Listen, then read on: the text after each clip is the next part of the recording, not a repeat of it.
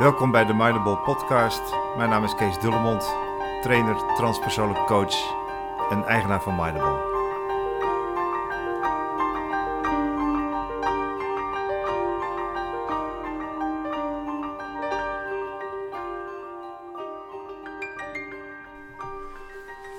Vorige week kwam ik een uh, oude vriendin van ons uh, uh, tegen en ik stelde haar de vraag: Hoe is het met je? En um, ze keek me veelbetekend aan en toen zei ze: Nou, nu gaat het wel weer met me, maar ik heb een hele zware tijd achter de rug. En, um, maar nu ging het dan wel weer. Ze vertelde dat ze, en dat was ook wel iets wat ik wist, uh, dat ze eigenlijk al jaren in therapie was. En dat betekende iedere week een therapiesessie van ongeveer een uur, anderhalf uur. De therapeut komt ook bij haar thuis voor gesprekken. En uh, zij heeft een moeilijke jeugd gehad, moeilijke relatie met haar vader. Uh, ze heeft ook een huwelijk gehad wat gestrand was op een uh, niet al te prettige manier. En al, voor zover ik weet, een jaar of zes is zij bezig met deze therapie. En het zijn ups en het zijn downs. En af en toe voelt ze zich slecht, komt ze bijna niet de deur uit. Onderneemt ze eigenlijk niets. En af en toe krabbelt ze daar dan weer een beetje bovenuit. En, uh, en nu troffen we haar op een moment dat het, uh, dat het redelijk ging. Ze vertelde, ja, ik ben uh, in therapie en ik heb goede gesprekken, een hele goede therapeut. En ja, we zijn eigenlijk alles aan het, aan het opruimen. En dus alle rotzooi uh, uit haar verleden, uh, herinneringen, uh, traumatische herinneringen wellicht, die werden opgeruimd naar haar zeggen. En heel langzaam kroop ze uit het dal. Maar, zei ze, en bijna triomfantelijk, ik ben er nog niet hoor. Puntje, puntje, puntje. En uh, ja, ik ging daar verder niet op in, omdat ja, het is een vriendin van ons en dat is altijd heel erg lastig om daar dan professioneel wat te gaan zeggen op zo'n moment. Alleen, ik moest echt op mijn tong bijten. Even een disclaimer vooraf. Ik ken haar situatie niet echt goed. Dus wat ik ga zeggen hierover uh, is op basis van uh, een projectie van mij. Laten we daarmee beginnen. Ik ken ook de therapeut niet waar ze mee werkt. Ik weet niet wat zijn aanpak is. Ik weet niet wat hij precies doet. Maar dit doet mij toch erg denken aan uh, ja, een soort fusie, zou je kunnen zeggen, met haar problemen. En het trieste van het hele verhaal vind ik, eh, nogmaals op basis van mijn idee hierover en mijn projectie, het trieste van dit hele verhaal is, is uh, dat zij uh, tracht om de rotzooi, zoals ze dat ook zelf zegt, bij haar aan de binnenkant op te ruimen.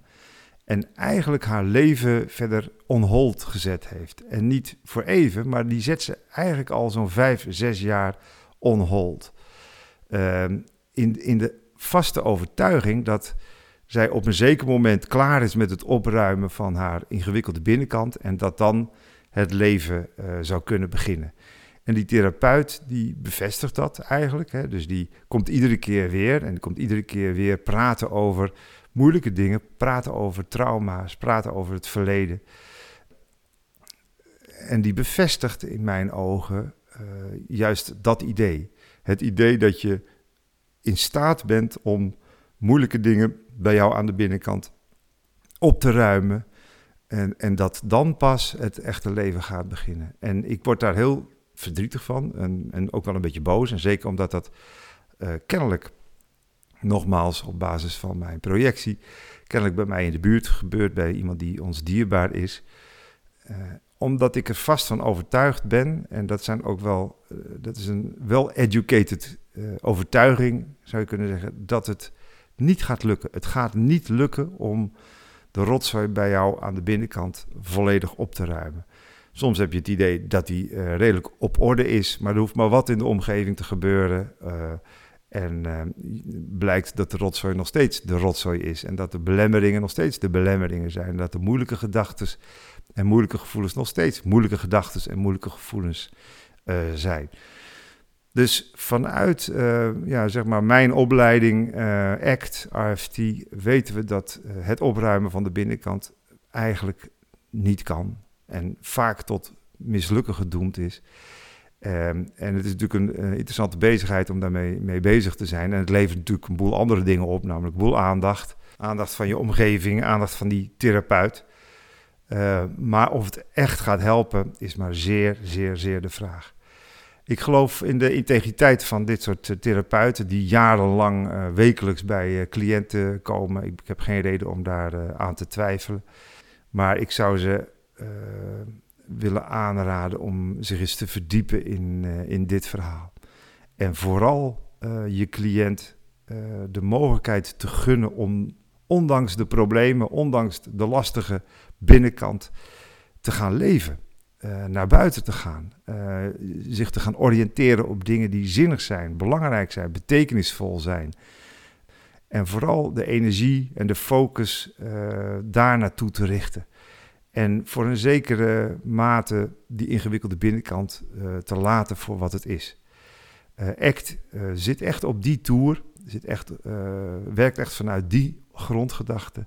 En ik ben daar heel erg blij mee omdat ik het idee heb dat heel veel cliënten daar vooral mee gebaat zijn. En niet ellenlang, jarenlang op de sofa bij een therapeut. Dat is wat mij betreft geen leven. Nogmaals, het is allemaal projectie van mij. Ik ken haar niet goed genoeg. Ik ken de therapeut ook niet goed genoeg. Maar ik weet wel dat dit soort dingen veel gebeuren. En dat mensen in een soort, ja, toch wel griezelige uh, catch-22 uh, terechtkomen op deze manier. Uh, nou, tot zover deze ongerustheid, dit verdriet en deze boosheid van mij.